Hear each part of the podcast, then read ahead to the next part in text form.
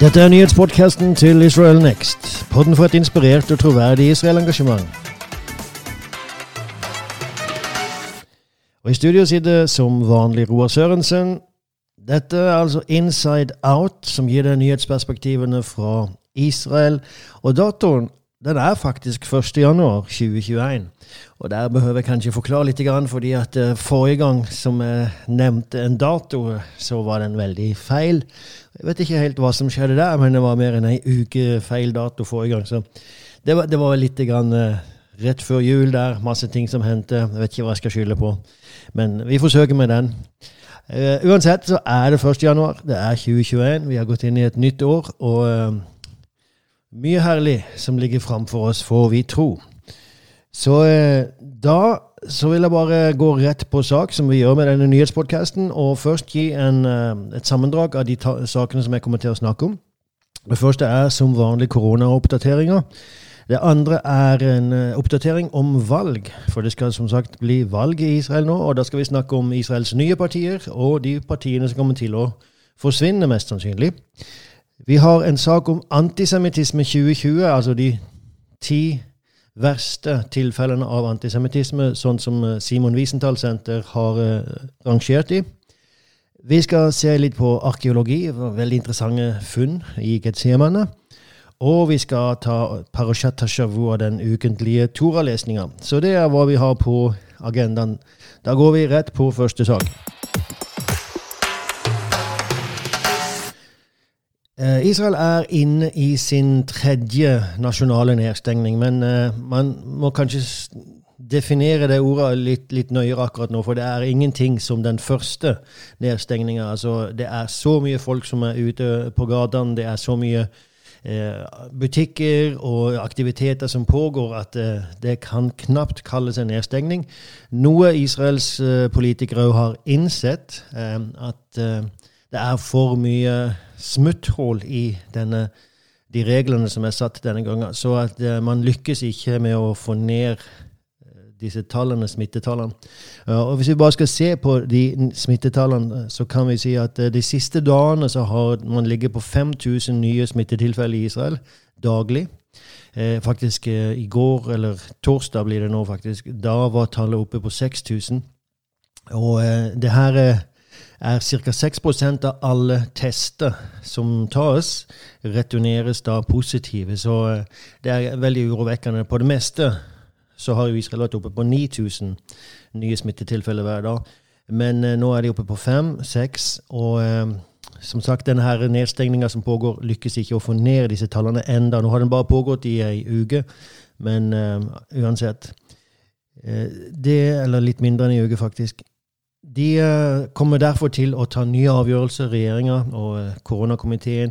De kommer til å ta nye avgjørelser på søndag, om jeg forsto riktig, eh, hva de nå skal gjøre, hvilke tiltak som må settes inn for å få ned tallene. Det er jo store uenigheter i Israel om hvordan man bør gjøre det her. og Man snakker om differensiert, man snakker om å stenge der det behøves, og åpne der man kan, og ikke være så generell. Men det har jo vært et problem pga. at regjeringen har trekk i forskjellige retninger. Eh, vi får se hvordan det går nå, for nå er det jo litt mer en sånn her overgangsregjering. Men uansett så behøver jo de forskjellige politiske aktørene å, å dra i sin retning for å posisjonere seg for valget. Så det, det kan bli vanskelig å komme til enighet fremdeles. Men eh, og dessuten så har Israel da eh, det her Det har vi alle nasjoner, iallfall her i den vestlige verden, vaksine som er på gang. Israel har jo kommet veldig langt. Det er leder faktisk i verden når det gjelder vaksineringsprosessen, og har kommet i gang. og nå, I dag så kommer de til å nå én million eh, vaksinerte personer eh, som har fått den første dosen. Eh, de behøver to doser. Så, så, der har jo Israel gjort en kjempeinnsats, og det er jo det kanskje òg som gjør at man, den bidrar litt til denne holdninga at ja, nå er det snart over, og så vi kan tillate oss litt mer enn en vanlig. Eh, det er en eh, årsak til at det er ganske løssluppen, denne her eh, nedstengninga, og at folk kjenner at de kan ta litt større frihet. Eh, og så er det jo det at man har faktisk mista litt tillit til politikerne, som, eh, der den ene sier det, og den andre sier det, og man innser at det er veldig mye politisk dragkamp bak det hele. Så det er, akkurat det er en litt trist sak. Men som sagt, når det gjelder når det gjelder vaksinasjonen, så ligger man altså veldig langt framme. Og Europa det finnes rapporter i masse aviser og magasiner i Europa. Hvordan har Israel lykkes å få til det her så bra? Mens vi andre ligger langt, langt etter. Så um, det, er, det, er, det er bra. Eh, og vi får virkelig håpe og tro at de kan fortsette med det, at de får nok vaksiner, eh, så, sånn at de kan fortsette. Det som blir utfordringa, er om ei uke til så skal de som først, de første som fikk sin første dose, de skal da ha sin andre dose. Og da så vil tallene gå ned, for man vil ikke kunne lykkes å både gi de sin andre dose og gi like mange nye personer sin første. Så da kommer tallene til å gå ned. Man snakker om at man kan lykkes å vaksinere 200 000 personer hver dag, men da vil 150 000 av de være sånne som allerede er vaksinert, så bare 50 000 nye. Eh, så uansett så, så, er det her en suksesshistorie så langt når det gjelder vaksineringa i Israel. Derimot så har det kommet en del kritikk, og det er litt mer surmuling, skal man kunne kalle det, fra en del røster i Israel. Og uh, igjen så er det politisert. Det er venstresida hovedsakelig som, som, fører fram disse røstene. Og det ene er at uh, den her vaksineringa som pågår Israel har blitt uh, forsøkskaninen til hele verden, sies det nå på venstresiden. Eh, at eh, det, Netanyahu har gjort sånn at vi kommer til å være forsøkskanin for denne vaksina som ikke er testa nok, og som ikke er utprøvd, osv. videre. så nå kommer alle til å se på oss og se om det går bra med oss, men vi er liksom blitt forsøkskanin. Så man, man presenterer det på den måten. Uh, en annen sak er at uh, man sier Netanyahu, da, som har vært veldig involvert i å skaffe disse vaksinene, har kjøpt den til en overpris og altså betalt mye mer enn andre land har gjort. Og det er liksom, man forsøker å gå på det økonomiske, at vi taper masse penger på det her. Eh, så ser man ikke da på det faktum at man faktisk kan komme ut av en nedstengning og få sette i gang hele samfunnet igjen som en enorm økonomisk vinning, at man kan få gjort det tidligere.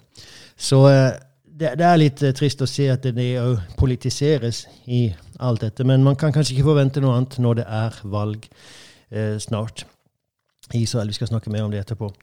Eh, så eh, det, det, som man burde gjøre, det er jo å være takknemlig for gode, gode, saker uansett hvem som fører det fram. Og det gjelder både høyre og venstreside. Det gjelder, eh, det gjelder alle. Uansett politisk posisjon, uansett religiøs overbevisning. Sannheten er sannheten uansett hvor den kommer fra.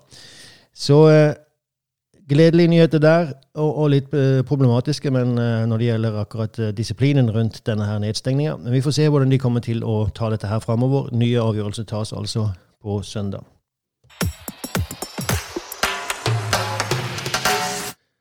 Da kommer vi til valget, og det ble da den 23. desember, lille julaften, så ble det som så at det blir nyvalg den 23. mars. Eh, og Årsaken var ganske enkelt at man lyktes ikke med å gjennomføre og vedta et budsjett. Eh, og eh, altså det, dette budsjettet var jo liksom, det, det liksom prøvesteinen for masse annet. Det, var det som til syvende og sist felte den, dette Knesset, denne regjeringa, og førte til nyvalg. Men den var jo symbol for noe mye mer, som bl.a. hadde med roteringsavtalen å gjøre mellom Benjamin Netanyahu og Benny Gantz. Så, eh, og hele denne regjeringa har jo hatt problemer siden den ble stifta. Så drøyt halvt år så har de jo hatt store problemer med å fungere sammen, dessverre. Men nå blir det altså nyvalg. Jeg må jo bare gå, gå tilbake veldig kort. Så, så, som sagt, jeg har sagt det flere ganger, jeg trodde, og jeg tror fremdeles, at det var rett. At det ble en enhetsregjering der og da. Man behøvde det i, for å møte denne vanskelige situasjonen som hele verden er i, og Israel. Eh, og Derfor så trodde jeg på den, og er veldig lei meg sjøl for at det her ikke fungerte, og lei meg på Israels vegne for at ikke det her fungerte. For eh, det har virkelig skada enda mer den, den her tida som har gått. Selv om man har lykkes å, gjennomføre visse avgjørelser som man ikke kunne ha gjort eh, hvis det hadde vært eh, blitt utlyst nyvalg igjen den gang da, så å si. Så, men uansett, nå blir det nyvalg, og igjen så tror jeg det Det er faktisk bra. Så lenge denne regjeringa ikke klarer å fungere, så tror jeg det er bra at det blir nyvalg. Og det er mange som mener på at da kommer det til å bli samme sak om igjen. At ikke det blir noen avgjørelse. Det kan bli sånn, men det er mye som har forandret seg. Og det er det vi skal snakke litt om nå. Det som har annet skjedd, er at ja, Om vi snakker om de partiene som sitter på Knesset akkurat nå, så er det jo noen partier som Blåhvitt som nesten er utradert av det politiske kartet i meningsmålinger. Fremdeles så har jo eh, Blåhvitt eh, under Benny Gantz sine 17 mandater på Knesset. Men i meningsmålinger så ligger de på sperregrensa. Det er så vidt de klarer sperregrensa, som er på 3,25% Og det vil si fire-fem mandater. Det er der de ligger akkurat nå. De er akkurat over sperregrensa. Eh, det er én sak. Vi har andre partier som var del av denne blå-hvitt-koalisjonen. Ene heter Yeshatid, som ligger ganske stabilt på sine 14-17 mandater på meningsmålinger. Det er jo Lederen der er Yair Lapid. Så de var jo den andre hoveddelen av blå-hvitt-koalisjonen, eh, om jeg skal kalle det det, sammenslåinga. Men er nå et eget parti, Yeshatid. Det var bare blå-hvitt som gikk inn i regjering med, med Netanyahu. Eh, så der har vi en, en eh, ny sak. Vi har òg eh, et annet parti som strever litt. Det er faktisk Harishima Meshotefet The Joint List fra altså de fire arabiske partiene som har slått seg sammen nå de siste valgene. Og som har ligget på 15 mandater. Men nå har en av lederne i disse partiene, et av disse partiene, Ram, lederen heter Mansour Abbas, han har sagt at han er villig til å inngå samarbeid med Netanyahu. Noe som har ledet til en splittelse der, og òg en splittelse blant den arabiske befolkningen i Israel, som utgjør ca. 20 Der mange støtter Mansour Abbas og mener at vi må kunne samarbeide med regjeringen. Vi må få innflytelse i regjeringa. Vi kan ikke alltid være i opposisjon, sånn som de arabiske partiene faktisk har vært eh, siden starten av staten Israel. Så eh, det, man, man, mange er for dette som Mansour Abbas gjør. Eh, mange er imot, men det har ledet til at eh, partiet har gått ned til elleve mandater, og det er uvisst om de tre partiene som nå sitter sammen, kommer til å klare å holde sammen. Og, og altså, det her fjerde partiet er fremdeles en del av denne, av denne sammenslåinga. Det er fremdeles fire partier, men det er mye som tyder på at uh, Ram kan komme til å gå ut alene, men uh, meningsmålinger vil jo eventuelt avgjøre det, om de kommer til å ta den avgjørelsen. Uh, så Blåhvitt uh, holder på å forsvinne. Arbeiderpartiet, som nå sitter på Knesset, de har, jeg tror, jeg tror, de har fem eller seks mandater på Knesset nå. De kommer ikke over sperregrensa i meningsmålingen. Det, det, er ganske consistent, altså gjennomgående på alle meningsmålinger de siste ukene. Eh, Arbeiderpartiet lykkes ikke å ta seg over sperregrensa. Og det, det, er ganske sensasjonelt med tanke på at dette er partiet, Ben Gurion sitt parti. Det er, det er liksom partiet som, som stifta nasjonen, etablerte nasjonen, så å si. Det het jo ikke Labour da, det het ikke Arbeiderpartiet, det het Mapai. Eh, forkortelse for noen ting eh, som ikke jeg skal gå inn på nå. Eh, vi flegget det på Alim. Men eh, uansett, det er det her partiet som var med og etablerte nasjonen. Og nå står de i fare for å bli utsletta. Og det leder jo nasjonen de første 30 åra fram til 1977. Så satt de kontinuerlig med makta. Så det er, det er, en ganske stor sak, det her. Det fins et parti som heter Gesher, som holder på å forsvinne. Et lite parti med bare én representant akkurat nå. Lang story der. Men uh, Habayit og Yehudi Alle disse partiene jeg snakker om så langt, det er på venstresida. Habayet og Yehudi ligger på høyresida. Uh, Jewish Home. Og det er Bezalel Smutrich som leder dette partiet, men uh, de er nå en del av den uh, to, topartisammenslåinga som kalles Jemina, som ledes av Naftali Bennett. Men de er som sagt et eget parti, og på meningsmålinger så klarer ikke de heller å ta seg over sperregrensa. Jemina derimot lykkes jo med det, og har gjort det veldig bra. Men da er jo faktisk Habaita Yehudi inkludert i meningsmålingene der. For man har ikke skilt ut det partiet ennå. Men det, det, er stor fare for at det kommer til å skje en splittelse der. Det er forhandlinger på gang mellom Bezalel Smotrich og Naftali Bennett. Jeg snakker altså om de som ligger ganske langt til høyre her. Det, det, partiet som ligger lengst til høyre på det nåværende Knesset. og som da internt da holder på å deles opp igjen i sine to partier. Vi vet ikke hva som kommer til å skje der. Personlig håper jeg at de lykkes å holde sammen, for de fungerer faktisk veldig bra sammen. Men om Habaytayedi skulle gå ut, så kommer de, som ser ut akkurat nå, ikke til å klare sperregrensa. Det fins en konstellasjon av høyre aktivister på høyresida som holder på å forsøke å etablere et nytt parti på høyresida. Og eh, man får jo egentlig håpe at det ikke skjer, fordi det fins ikke plass for det. Det har vist seg gang på gang. Det fins masse andre partier der som ligger der på høyresida, som har forsøkt å stille til valg de siste valgene, og ikke har lykkes å ta seg over sperregrensa. Så eh, ja, splittelse kommer ikke til å gi flere sånne mandater på Knesset, kan man si. Så, men der har vi jo et, et parti som kan forsvinne fra Nesna Knesset. Så har vi Merets, som er et ekstremt venstreparti. Det altså det partiet på det nåværende, nåværende Knesset som ligger lengst til venstre. Foruten da, om vi skal nevne det arabiske partiet igjen.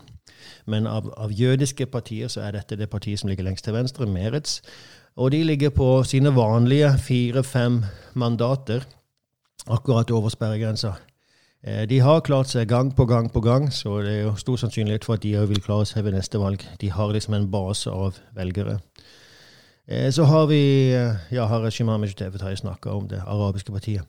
Om vi da skal se på nye partier som har kommet til, så har vi et som heter Tikva Khadasha, eller Nytt Håp. New Hope. Og Det ledes av Gidon Sar. Jeg har nevnt det tidligere. Han gikk ut av Likud og starta dette partiet. Og de gjør det altså nå veldig bra på meningsmålinger. Ligger på ja, mellom 17 og 20 mandater. Så eh, det, det, er veldig bra, må man si, for et nytt parti. Eh, han har eh, blitt eh, joina av eh, Yifat Sasha Bitan, som også kommer fra Likud. Eh, hun har vært eh, leder for koronakomiteen på Knesset og har fått mye kritikk for måten hun har ledet det på, spesielt fra Likud-medlemmer. som altså Hun var en del av Likud, har nå gått inn i Nytt Håp. Men uh, hun har fått mye kritikk av sine egne da, for måten hun har ledet denne komiteen på. Uh, og det kan være en av grunnene til at hun bare kjenner at hun har fått nok, og går da med Gidon Sar, men det fins mange andre grunner der. Uh, Sev Elkin har gått fra Likud til Nytt Håp. Og det er ganske interessant, fordi at Sevelkin har vært en av Benjamin Netanyahus nærmeste fortrodde i mange år den senere tida, de senere åra. De, de, de, som står nærmest Netanyahu, det, det, er personer som skiftes ut med jevne mellomrom. Og Jeg skal ikke gå inn på det akkurat nå, men det har vel litt å gjøre med at de blir for innflytelsesrike. Så Netanyahu til slutt eh, pusher de ut i kulda. Eh, vi har snakka om det på visse podkaster tidligere Gidon Sarda, som er leder for Nytt Håp-partiet, er en av de. Naftali Bennett er en av de. Uh, Avigdor Liebermann er en av de som alle sammen jobba med Netanyahu tidligere, men uh, som nå er egne ledere for egne partier. Så Sevelkin da havner nå i den gruppa. Han blir ikke leder for det her partiet, men han uh, kommer veldig høyt opp i, i lista der. flere Ordførere i byer rundt omkring i Israel har også slått seg sammen med Gidon Sar og sier de støtter han. Eh, han har veldig stor støtte. Han er en erfaren politiker. Han, han har eh, masse kontakter i Likud. Og det er mange som støtter han i Likud. Så eh, det skal bli interessant å se hvordan dette partiet utvikler seg. Jeg skal komme litt tilbake til det. Det finnes et annet parti som starta denne uka, kaller seg Ha-Israelim, altså israelerne. Og eh, den mannen som har starta det her, er Tel Avivs nåværende borgermester, Ron Huldai, som eh, er eh, veldig langt til venstre på det politiske kartet. Han har slått seg sammen med Avi Nissan-kåren, som for øyeblikket er justisminister, og som er justisminister for partiet Blåhvitt. Så han forlater da Blåhvitt og slår seg sammen med israelerne, partiet Israelerne. Så, så det, det, er jo interessant. Det er veldig mange som forlater partiet Blåhvitt. Uh, Benny Gantz uh, blir nesten alene igjen der. Uh, han har noen fortrodde, noen får med seg fremdeles, men mange har forlatt det partiet. Enten sier at de kommer til å forlate politikken, eller går, har gått til andre partier. hans utenriksminister, Benny Gantz, sin, altså Israels utenriksminister, men som kommer fra partiet til Benny Gantz, Gabi Askenazi har òg sagt at han vil ta pause fra politikken. Han ser jo hvordan det går med det her partiet Blåhvitt på meningsmålingene, og ser at det, er veldig sannsynlig at de ikke klarer sperregrensa, faktisk. Så masse ting som hender her. Men da har vi snakka om Nytt Håp, vi har snakka om Ha-Israelim, israelerne. Eh, han, eh, Ron Khuldaida, som leder dette partiet, israelerne, han er eh, veldig mot eh, Benjamin Netanyahu. Veldig mot den politikken som, som føres på høyresida. Og eh, kan på mange måter eh, bli en ny leder som, som folk kan samles rundt for han har et kjent navn på venstresida. Og han kan bli den som kommer til å ta over for Arbeiderpartiet, så å si. Altså, som, herne partiet kan bli det nye store partiet på venstresida.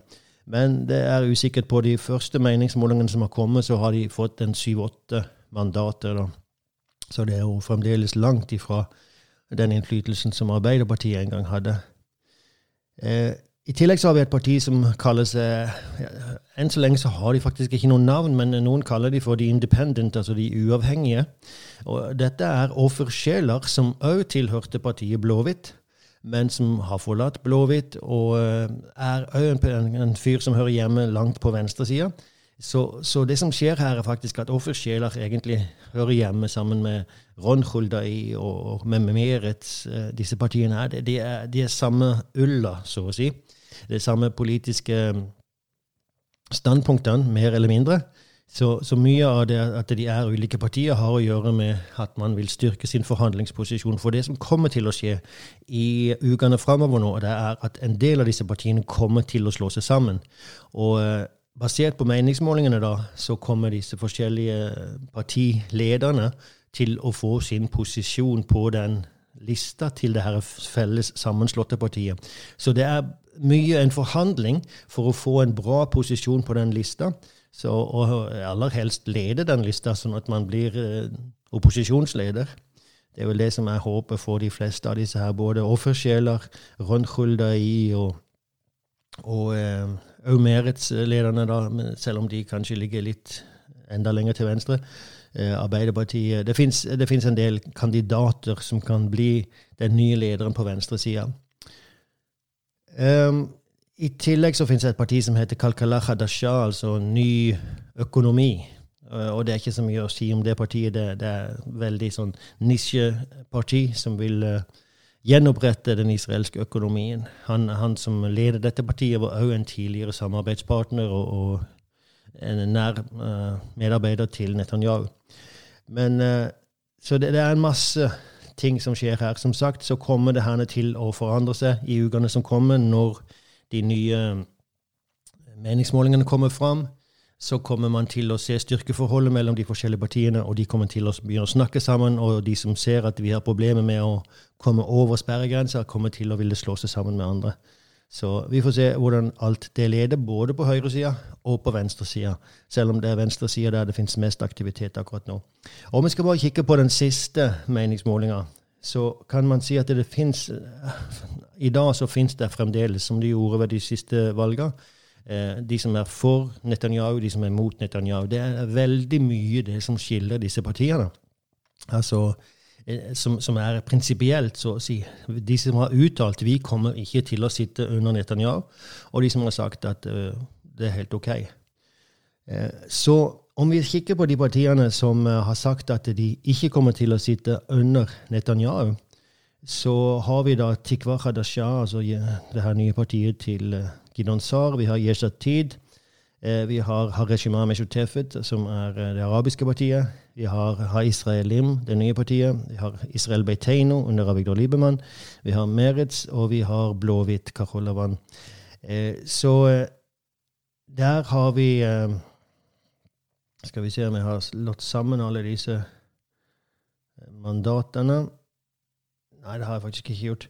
Men eh, om vi ser på, på den andre sida, som kan tenke seg å samarbeide med Likud og Netanyahu, så har vi da Likud. Eh, Jemina, som eh, der Neftali Bennett ikke har sagt noen ting. Han holder seg stille om den saken, og noe han får veldig mye kritikk for. Eh, igjen personlig så syns jeg det er en bra sak at man ikke automatisk eh, bare sier Altså bare utelukker noen så lenge altså Faktisk så er det helt lovlig at statsministeren har disse rettssakene på gang. Det, man, han har lov til å bli sittende som statsminister. Eh, så eh, om, det, om han hadde sittet der ulovlig, så er det en helt annen sak. Men det er ikke tilfellet. Så Jemina finnes der. Shaz, Shas, altså det ultraortodokse partiet, Jahadut Torah, også et ultraortodoks parti, finnes der i den gruppa som kan tenke seg å sitte under Netanyahu.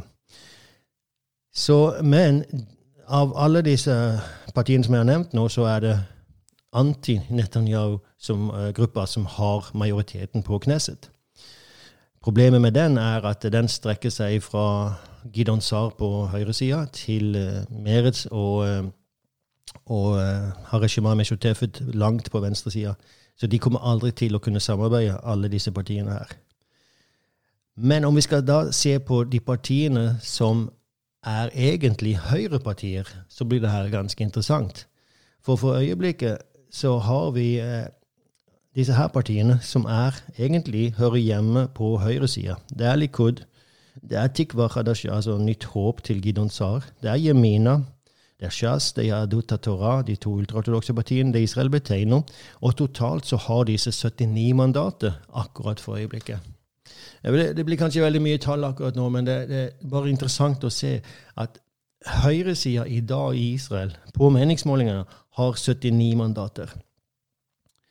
Det, det, blir ikke mye igjen. altså Det blir 41 mandater igjen til sentrum venstre. Um, det her kommer ikke til å være sluttsifrene. Fordi at spesielt partiet til Gidon Sar kan komme til å miste en del mandater. Òg uh, partiet til Jemina, uh, Naftali Bennett, kan komme til å miste en mandatet. For, fordi der har det kommet en del velgere de siste ukene som bare er mot Bibi. De vil bare ha en ny leder. Og de har ikke sett noen troverdig leder på venstresida. Så har det kommet opp et par stykker, da, så Naftali Bennett og Gidon Sar på høyresida. Da tenker de alt for å bli kvitt Bibi. Netanyahu. Så om man ser at det kommer en troverdig alternativ på venstresida, så kommer en del av disse velgerne til å gå tilbake til venstre. Så det kommer til å jevne seg mer ut. Men uh, det finnes lite tvil om at totalt sett så er det en majoritet av høyrevelgere i Israel. Og uh, det hadde vært høyreregjering ved alle de tre foregående valgene hvis Israel Beiteino, som naturlig hører hjemme på høyresida, hadde valgt å gå til høyre. Hadde valgt å sitte med Netanyahu, men, men Israel Beteino har altså utelukka å sitte med Netanyahu, og derfor så har vi hatt disse valgene. Så eh, egentlig en, en, ganske trist situasjon at det er sånn. Ok, Vi skal ikke ta mer tid nå. Det her var veldig mye og, og valg, men det har skjedd så veldig mye at det var viktig å ta disse sakene her.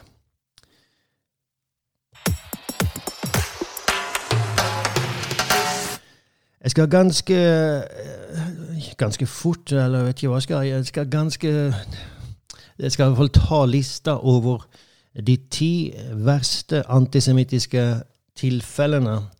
Og Da snakker vi globalt, selv om det er ganske mye fokus på USA i denne her lista, for den kommer fra Simon Wiesenthal Senter, som er basert der i USA. Eh, men den, de, ti verste tilfellene av antisemittisme som Simon Wiesenthal Senter har funnet uh, under 2020 Simon Wiesenthal var jo en holocaust-overlever eh, og har en fantastisk historie om hvordan han overlevde holocaust. Og som deretter ble en eh, som jakta på disse forbryterne, nazistiske forbryterne eh, resten av sitt liv, så å si. Eh, men her da så har det her senteret fortsatt hans sitt arbeid. Og jeg skal gå gjennom de ganske fort, men allikevel legge merke til visse saker. Det første som de, har, eh, som de peker ut som er eh, verste antisemittiske tilfelle under 2020, det er at man har uh, weaponized, altså man har gjort til et våpen pandemien. Man har gjort koronapandemien til et våpen mot jøder. Et antisemittisk våpen. Og eh, det finnes mange uh, eksempler på det her. Jeg skal ikke ta så masse eksempler i det hele tatt, men uh, bare det, det, her skjer på, spesielt på sosiale medier, der man påstår at jøder med hensikt sprer dette, dette viruset. Uh, og òg at man har produsert jøder har produsert og manipulert vaksiner eh, med, for sine formål for å kunne ta kontroll over verden. Altså Det er jo det her gamle antisemittiske oppkastet som kommer tilbake igjen. Sions vises protokollet, som du sikkert har hørt om, der det fins en, en eh, konspirasjonsteori om at jøder forsøker å ta over verden. Det her er den i ny utgave. Tidligere så, så, har den kommet i masse forskjellige utgaver. Nå bruker man altså koronapandemien til å si at det er jødene som forsøker å ta kontroll over verden. Eh, legg merke til når vi går gjennom denne lista her, at mye av det som eh, Simon Wiesendahl Senter tar opp, har å gjøre med tankebygninger. Det har å gjøre med å, å, å sette tanker og, og ideer i menneskets hjerner og sinn.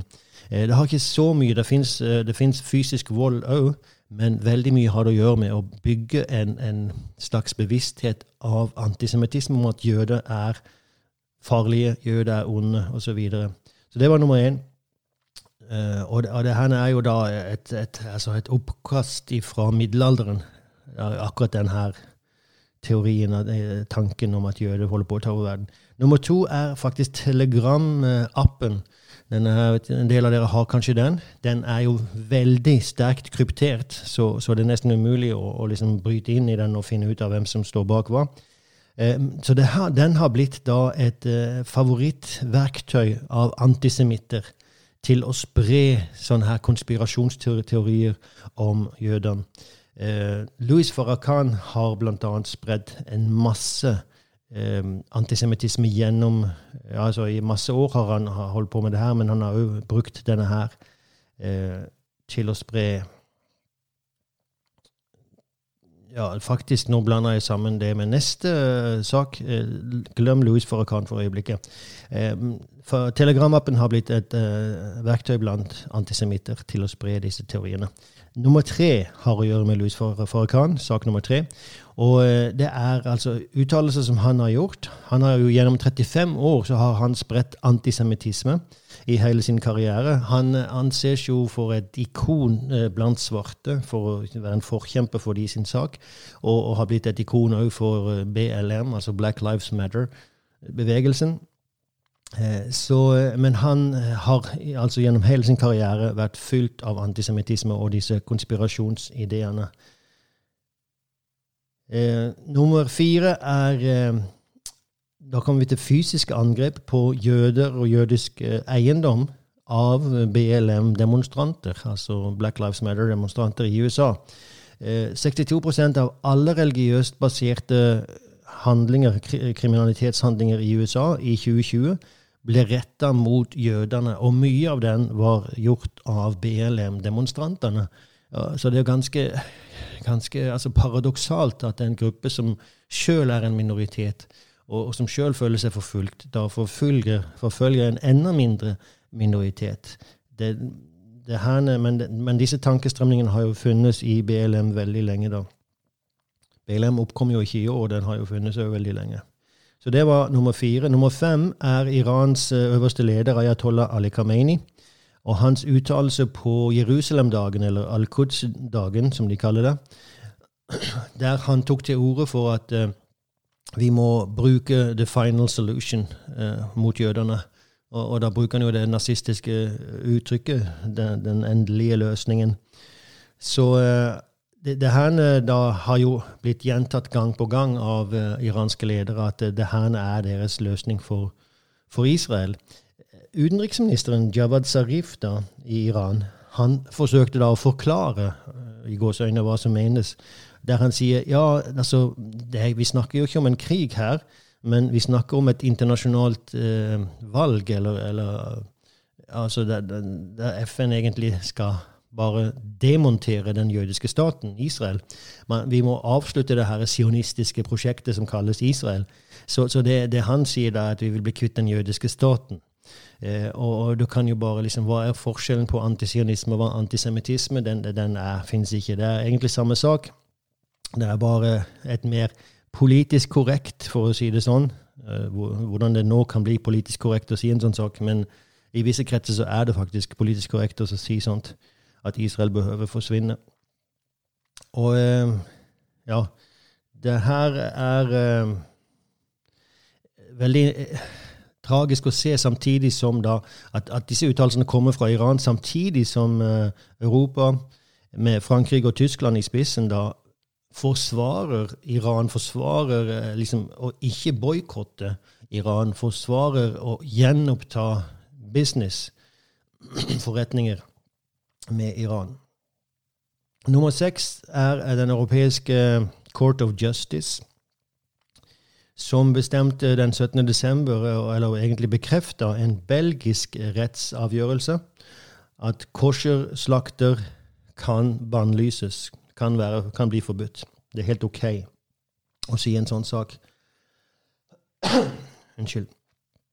Så eh, det her er igjen en avgjørelse som kaster oss tilbake til 1930-tallet, der nazistene faktisk i 1933 tok den avgjørelsen, en av de første avgjørelsene etter at de kom til makta, om at eh, det er helt OK å eh, Eller helt OK, for de så var jo alt OK, men det, de bannlyste da, de gjorde det forbudt å drive med kosherslakting.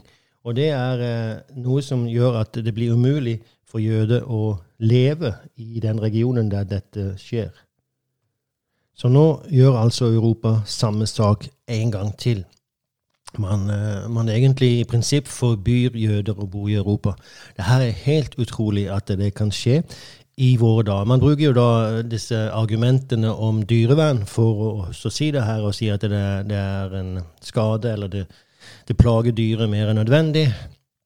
Måten man slakter på i kors. Og det her gjelder jo ikke bare korser. altså Korserslakting er jo en spesiell form for slakting eh, som jøder gjør, men det, det, er samme metode i prinsipp som muslimene bruker, så det blir et problem for de òg. Men eh, som sagt, effekten er den samme som det som nazistene gjorde. Sak nummer syv er eh, den, eh, det tyske parlamentet, altså Bundestag, sitt forsøk på å si at eh, BDS ikke er antisemittisk. Um, BDS er jo en organisasjon som står for Boycott, Divest and Sanctions mot Israel. Den er retta direkte mot Israel. Man skal boikotte israelske varer, man skal kutte sine økonomiske forbindelser med Israel, og, man skal legge sanksjoner mot Israel for deres såkalte da, okkupasjon av Palestina.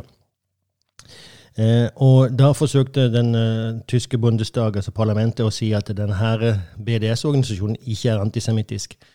Med andre ord å si at det er helt OK å si boikott Israel, boikott jødiske varer.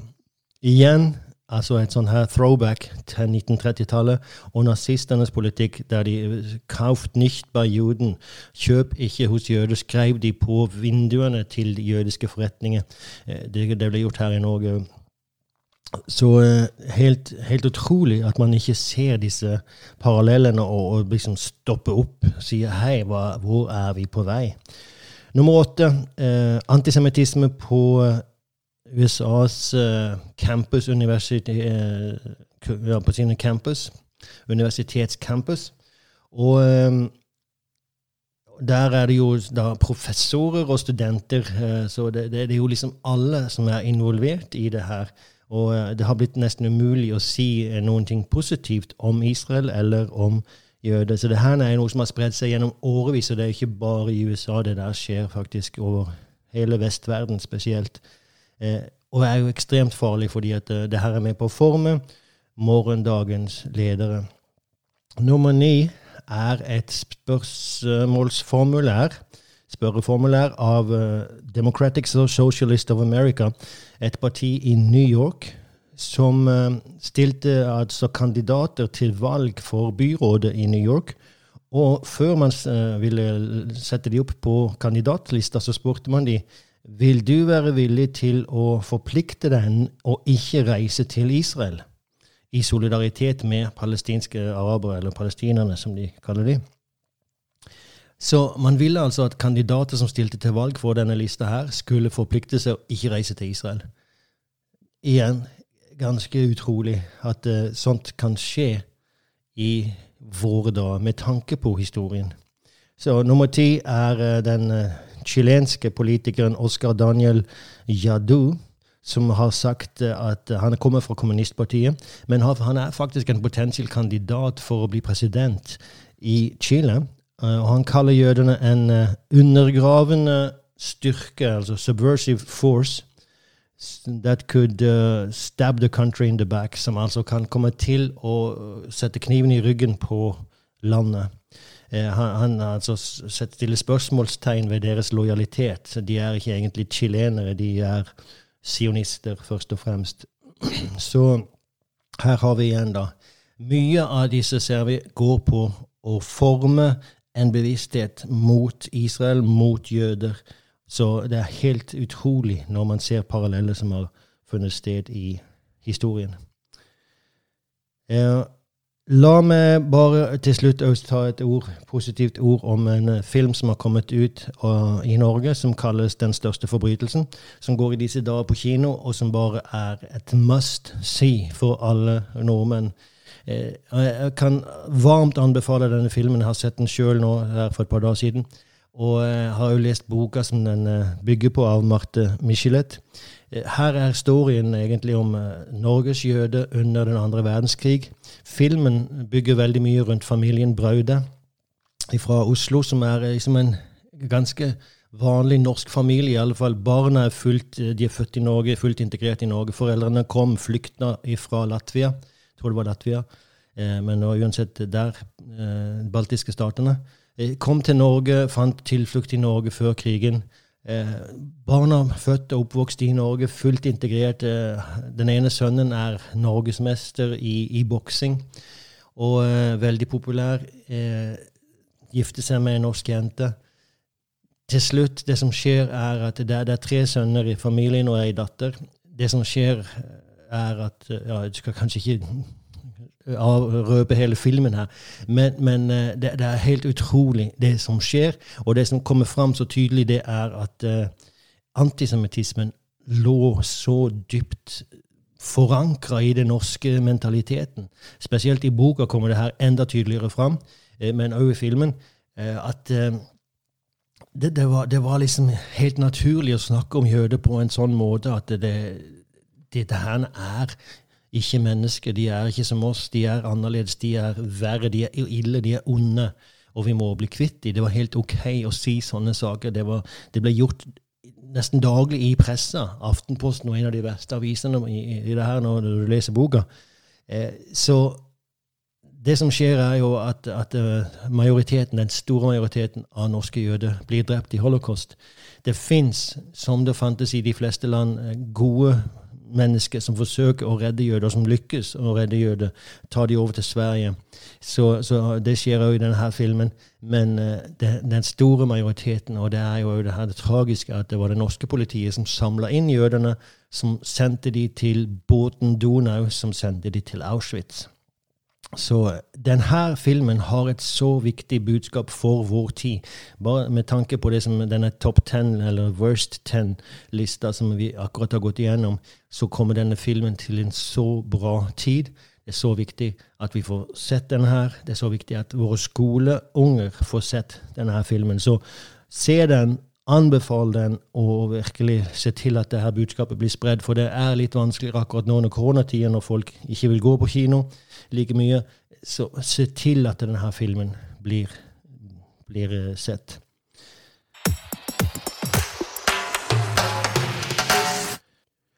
Arkeologi. Eh, det pågår utgravinger eh, rundt uh, Getsemane kirka, Church of All Nations, der uh, i Getsemane.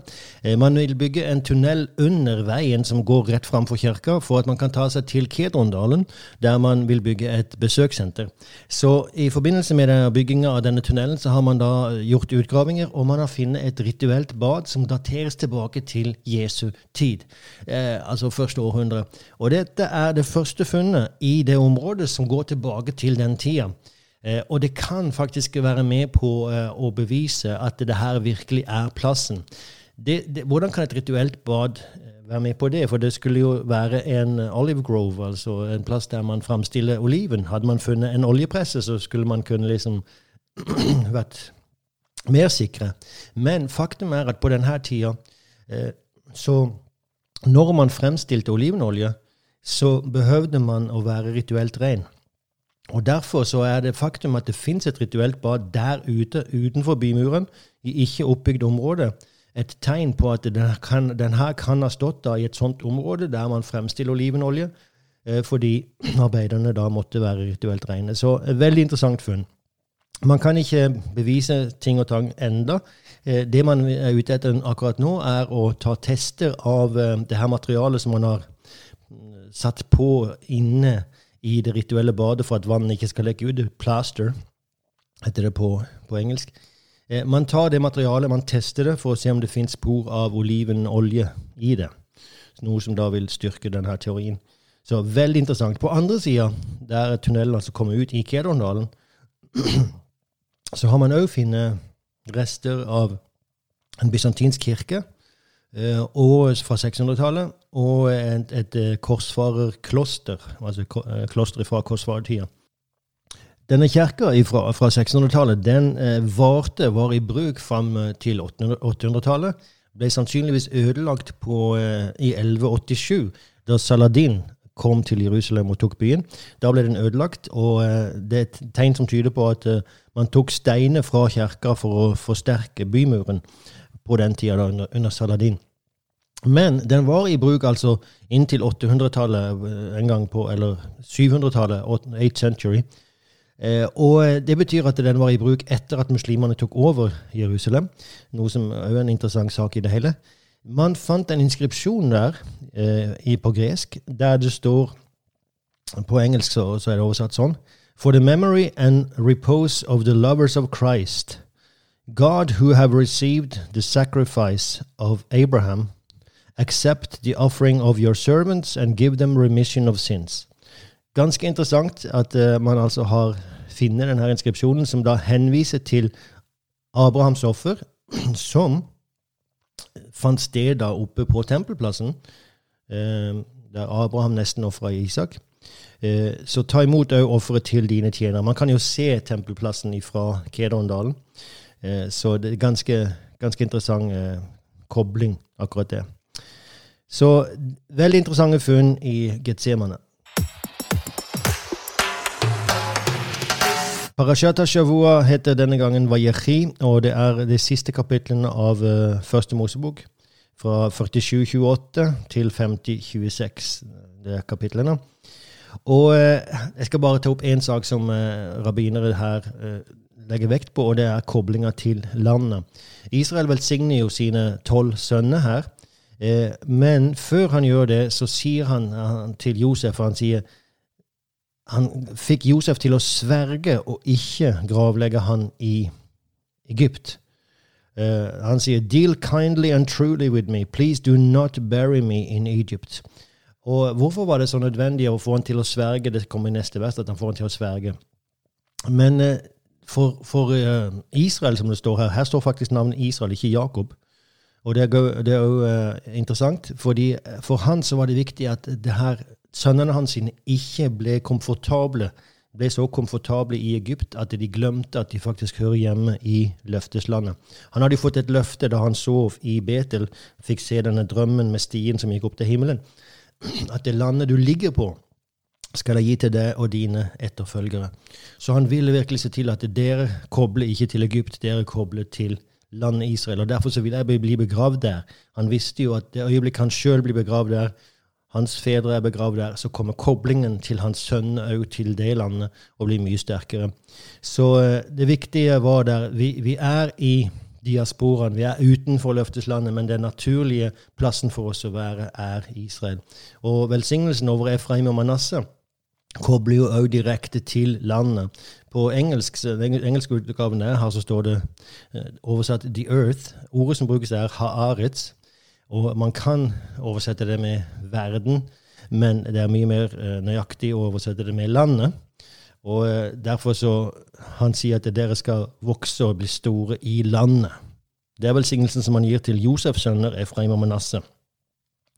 Så, og de to hadde jo stor innflytelse pga. Josefs store innflytelse i Egypt. Så var jo hans to sønner kanskje de viktigste. Hvis de flytter til landet, så kommer de andre til å følge etter, så å si. Så interessant sak her uh, i den siste Parashat hashavua i, uh, i uh, første Mosebok. Det fins òg en messiansk profeti i alt dette. I profetien til Juda så står det om uh, septeret som ikke skal skilles, shall not depart from Judah, nor a lawgiver from between his feet, feet until Shiloh comes. And to him shall be the obedience of the people.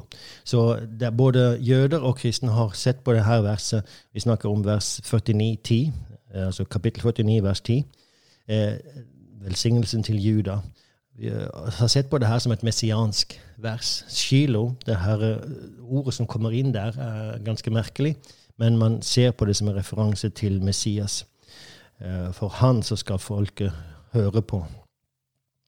Da har vi kommet til slutten av denne podkasten.